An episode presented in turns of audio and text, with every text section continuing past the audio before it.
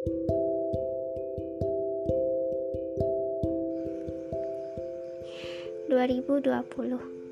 Kata mereka ini adalah tahun yang menyedihkan. Kata mereka tahun ini adalah tahun yang sangat menyebalkan. Susunan-susunan rencana menjadi berantakan. Banyak mimpi yang tertunda dan harus direlakan.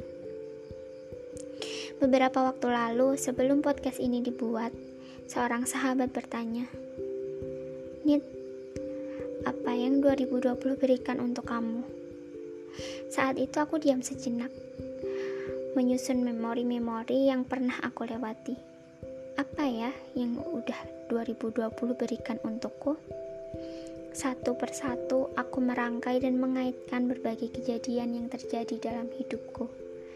Hingga aku menemukan jawabannya. 2020 telah memberikan aku keluarga, keluargaku aku menemukan kembali keluargaku, keluarga yang aku pikir selama ini hilang dari hidupku. Keluargaku juga rumahku, rumah tempatku pulang, rumah yang aku pikir selama ini bukan tempat yang tepat untuk dijadikan tempat pulang. Sepuluh tahun yang lalu, saat pengumuman hasil ujian nasional untuk sekolah dasar keluar, aku Konita al seorang siswi yang namanya berada di barisan paling atas sebagai peraih nilai UN tertinggi di kecamatan. Hari itu aku dihujani ucapan selamat dari para guru dan teman-teman, bahkan guru-guru dari sekolah lain pun mengucapkan selamat untukku. Selamat ya untuk Mbak Konita, putrinya Bapak Selamat toh, ya mereka mengenalku karena aku anaknya bapak, rekan rekan pengajar mereka. Tapi tidak ada satupun ucapan selamat yang kuterima dari orang tuaku. Saat itu tidak ada hadiah yang biasanya selalu aku terima setiap memperoleh peringkat satu.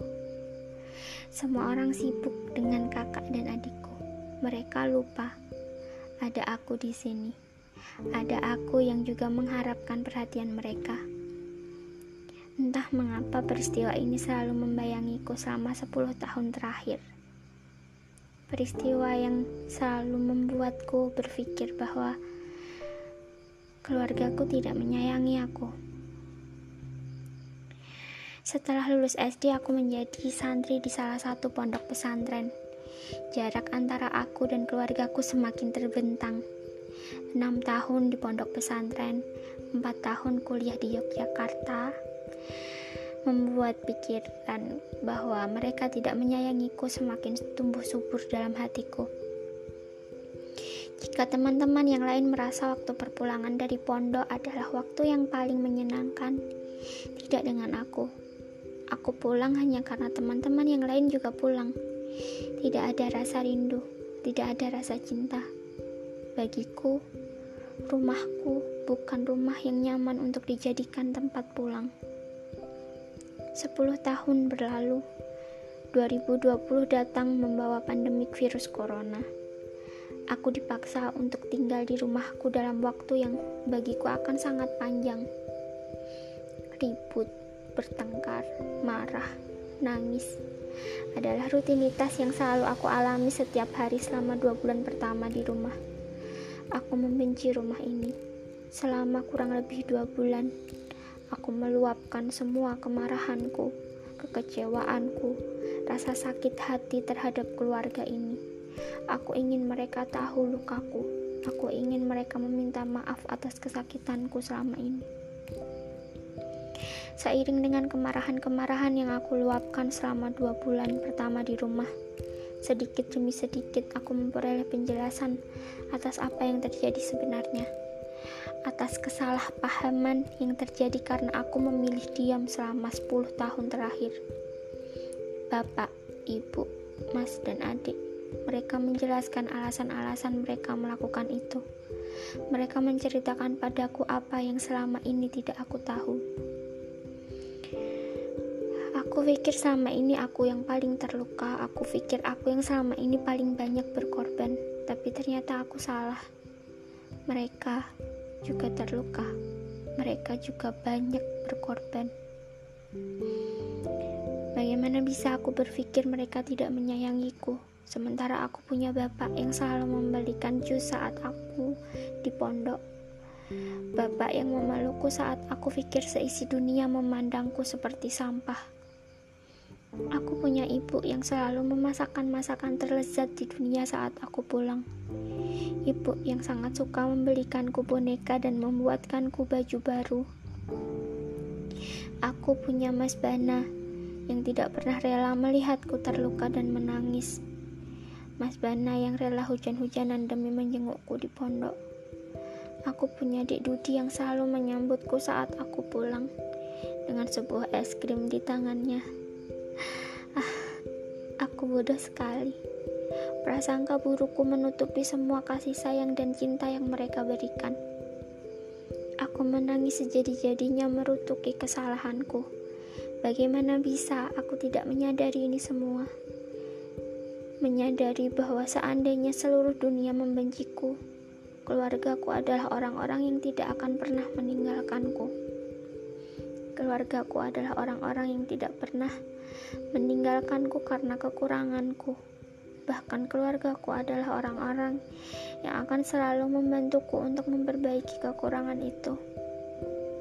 Hari di mana podcast ini dibuat, aku sedang berada di ruangan berukuran 3 kali 3 Ruangan yang selama 10 tahun terakhir aku pikir tidak akan pernah menjadi ruangan yang nyaman untuk beristirahat laptop yang aku gunakan untuk mengetik uh, skrip podcast ini. Aku letakkan di sebuah meja belajar berwarna hijau. Meja belajar yang dibeli sekitar 15 tahun lalu. Meja belajar kesayangan konitah kecil. Meja belajar yang aku kira tidak akan pernah lagi aku gunakan setelah 10 tahun berlalu. Aku tidak menyangka saat ini, ruangan ini menjadi ruangan yang paling nyaman di dunia. Setelah beberapa kali merubah posisi isi kamar ini, akhirnya aku menemukan posisi paling sempurna. Aku menghias kamar ini sedemikian rupa. Dinding kamarnya dipenuhi tempelan agenda-agenda yang akan kulakukan. Dan sebagaimana yang selalu aku lakukan di mana pun aku berada, aku menggantungkan impianku di kamar ini tiga buah bintang tempatku menggantungkan impian menjadi pemandangan yang pertama kulihat saat membuka mata. Aku tidak menyangka meja belajar ini akan menjadi meja belajar yang sangat nyaman untukku belajar, menulis dan membaca. Meja belajar kekecilan ini justru menjadi kantor mini untukku. Menjadi tempatku memperjuangkan mimpi-mimpiku. Hampir saja aku menyampaikan meja ini.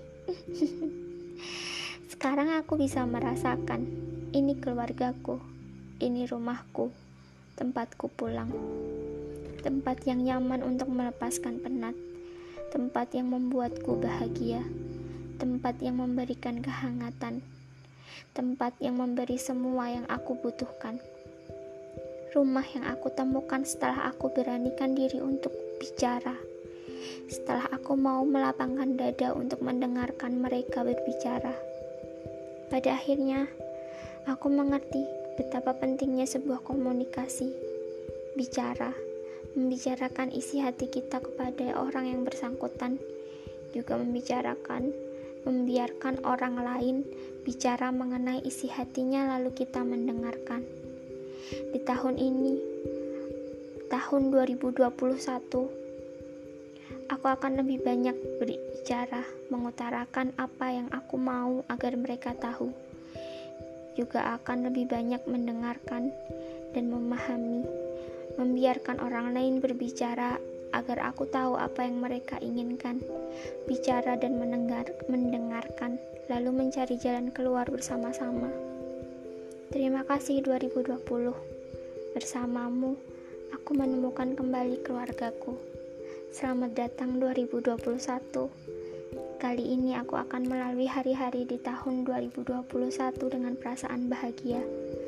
Karena aku memiliki keluargaku kembali. Keluargaku yang berharga dan akan menghabiskan lebih banyak waktu di rumah ini, rumahku, tempat aku pulang. 14 Januari 20, 2021 di bawah atap surga kecilku yang nyaman dan penuh cinta. Konita Al-Hafizah